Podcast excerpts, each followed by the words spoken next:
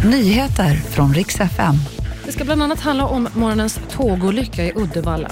Och över 10 000 bud kom in när ivriga fans budade på rekvisita från en älskade tv-serie. Vi ska börja med att eh, lokföraren som var inblandad i den stora krocken i Uddevalla dog av sina skador. Det här uppger TT. Och det var i morse som ett pendeltåg körde på en lastbil som blivit stående på spåret. Totalt nio personer skadades också lindrigt i olyckan som nu ska utredas. En 18-åring häktas för mordet i Sandviken i lördags.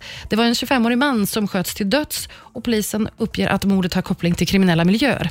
En kvinna misstänks också för medhjälp till mordet. Hon var tidigare häktad men är i nuläget försatt på fri fot.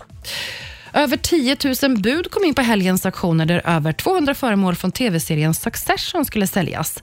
I bland annat så såldes karaktärernas ID-kort och en hundmaskotdräkt. Men allra dyrast blev fyra rosa papperslappar. Det här är handskrivna anteckningar från en scen i serien. De drog in 25 000 dollar. Totalt så hostade fansen upp 6,5 miljoner kronor för att köpa sig lite minnen från tv-serien. Jag heter Maria Granström och det var nyheterna.